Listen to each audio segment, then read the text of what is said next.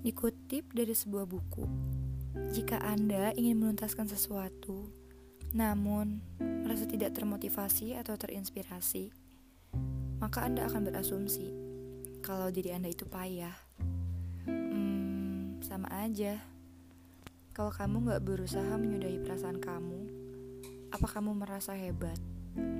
Atau pernahkah kamu merasa kamu itu payah?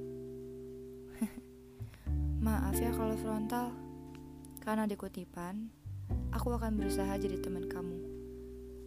Aku akan berusaha nyadarin kamu dan nemenin kamu hingga kamu kenal tentang konsep ikhlas dan merelakan. Selamat datang di podcast dikutipkan. Salam hangat dari aku teman baru kamu.